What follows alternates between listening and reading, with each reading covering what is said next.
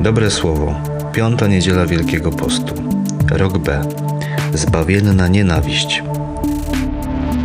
Słowa Ewangelii według świętego Jana. Wśród tych, którzy przybyli, aby oddać pokłon Bogu w czasie święta, byli też niektórzy Grecy. Oni więc przystąpili do Filipa, pochodzącego z Betsaidy Galilejskiej i poprosili go mówiąc: Panie, chcemy ujrzeć Jezusa. Filip poszedł i powiedział Andrzejowi. Z kolei Andrzej i Filip poszli i powiedzieli Jezusowi. A Jezus dał im taką odpowiedź. Nadeszła godzina, aby został otoczony chwałą Syn Człowieczy. Zaprawdę, zaprawdę powiadam wam, jeśli ziarno pszenicy, wpadłszy w ziemię, nie obumrze, zostanie samo jedno, ale jeśli obumrze, przynosi plon obfity. Ten, kto kocha swoje życie, traci je, a kto nienawidzi swego życia na tym świecie, zachowa je na życie wieczne. Kto zaś chciałby mi służyć, niech idzie za mną, a gdzie ja jestem, tam będzie i mój sługa. A jeśli ktoś mi służy, uczci go mój ojciec. Teraz dusza moja doznała lęku. Cóż mam powiedzieć? Ojcze, wybaw mnie od tej godziny. Ależ właśnie dlatego przyszedłem na tę godzinę. Ojcze, wsław imię Twoje. Wtem rozległ się głos z nieba. Już wsławiłem i jeszcze wsławię. Stojący tłum to usłyszał i mówił. Zagrzmiało. Inni mówili. Anioł przemówił do niego. Na to rzekł Jezus. Głos ten rozległ się nie ze względu na mnie, a ze względu na was. Teraz odbywa się sąd nad tym światem. Teraz władca tego świata zostanie wyrzucony precz, a jak gdy zostanę nad ziemię wywyższony, przyciągnę wszystkich do siebie. To mówił, oznaczając, jaką śmiercią miał umrzeć.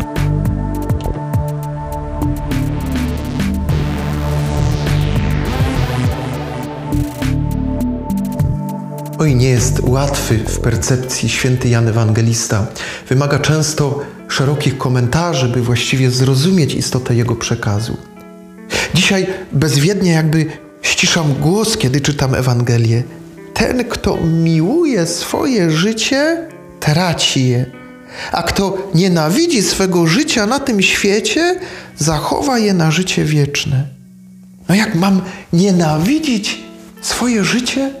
Jak to pogodzić z Bogiem, którego Księga Mądrości nazwie miłośnikiem życia? Myślę, że kluczem do zrozumienia tego fragmentu jest świadomość, że Jan używa tutaj wyrazu świat nie jako obiektu Bożej miłości, lecz jako symbolu tego wszystkiego, co pozbawione jest wiary co Bogu jest wrogie. Władcą tego świata według Jana jest szatan. Ten, który sprzeciwia się Bogu, który jest wprowadzającym rozłam oszczercą.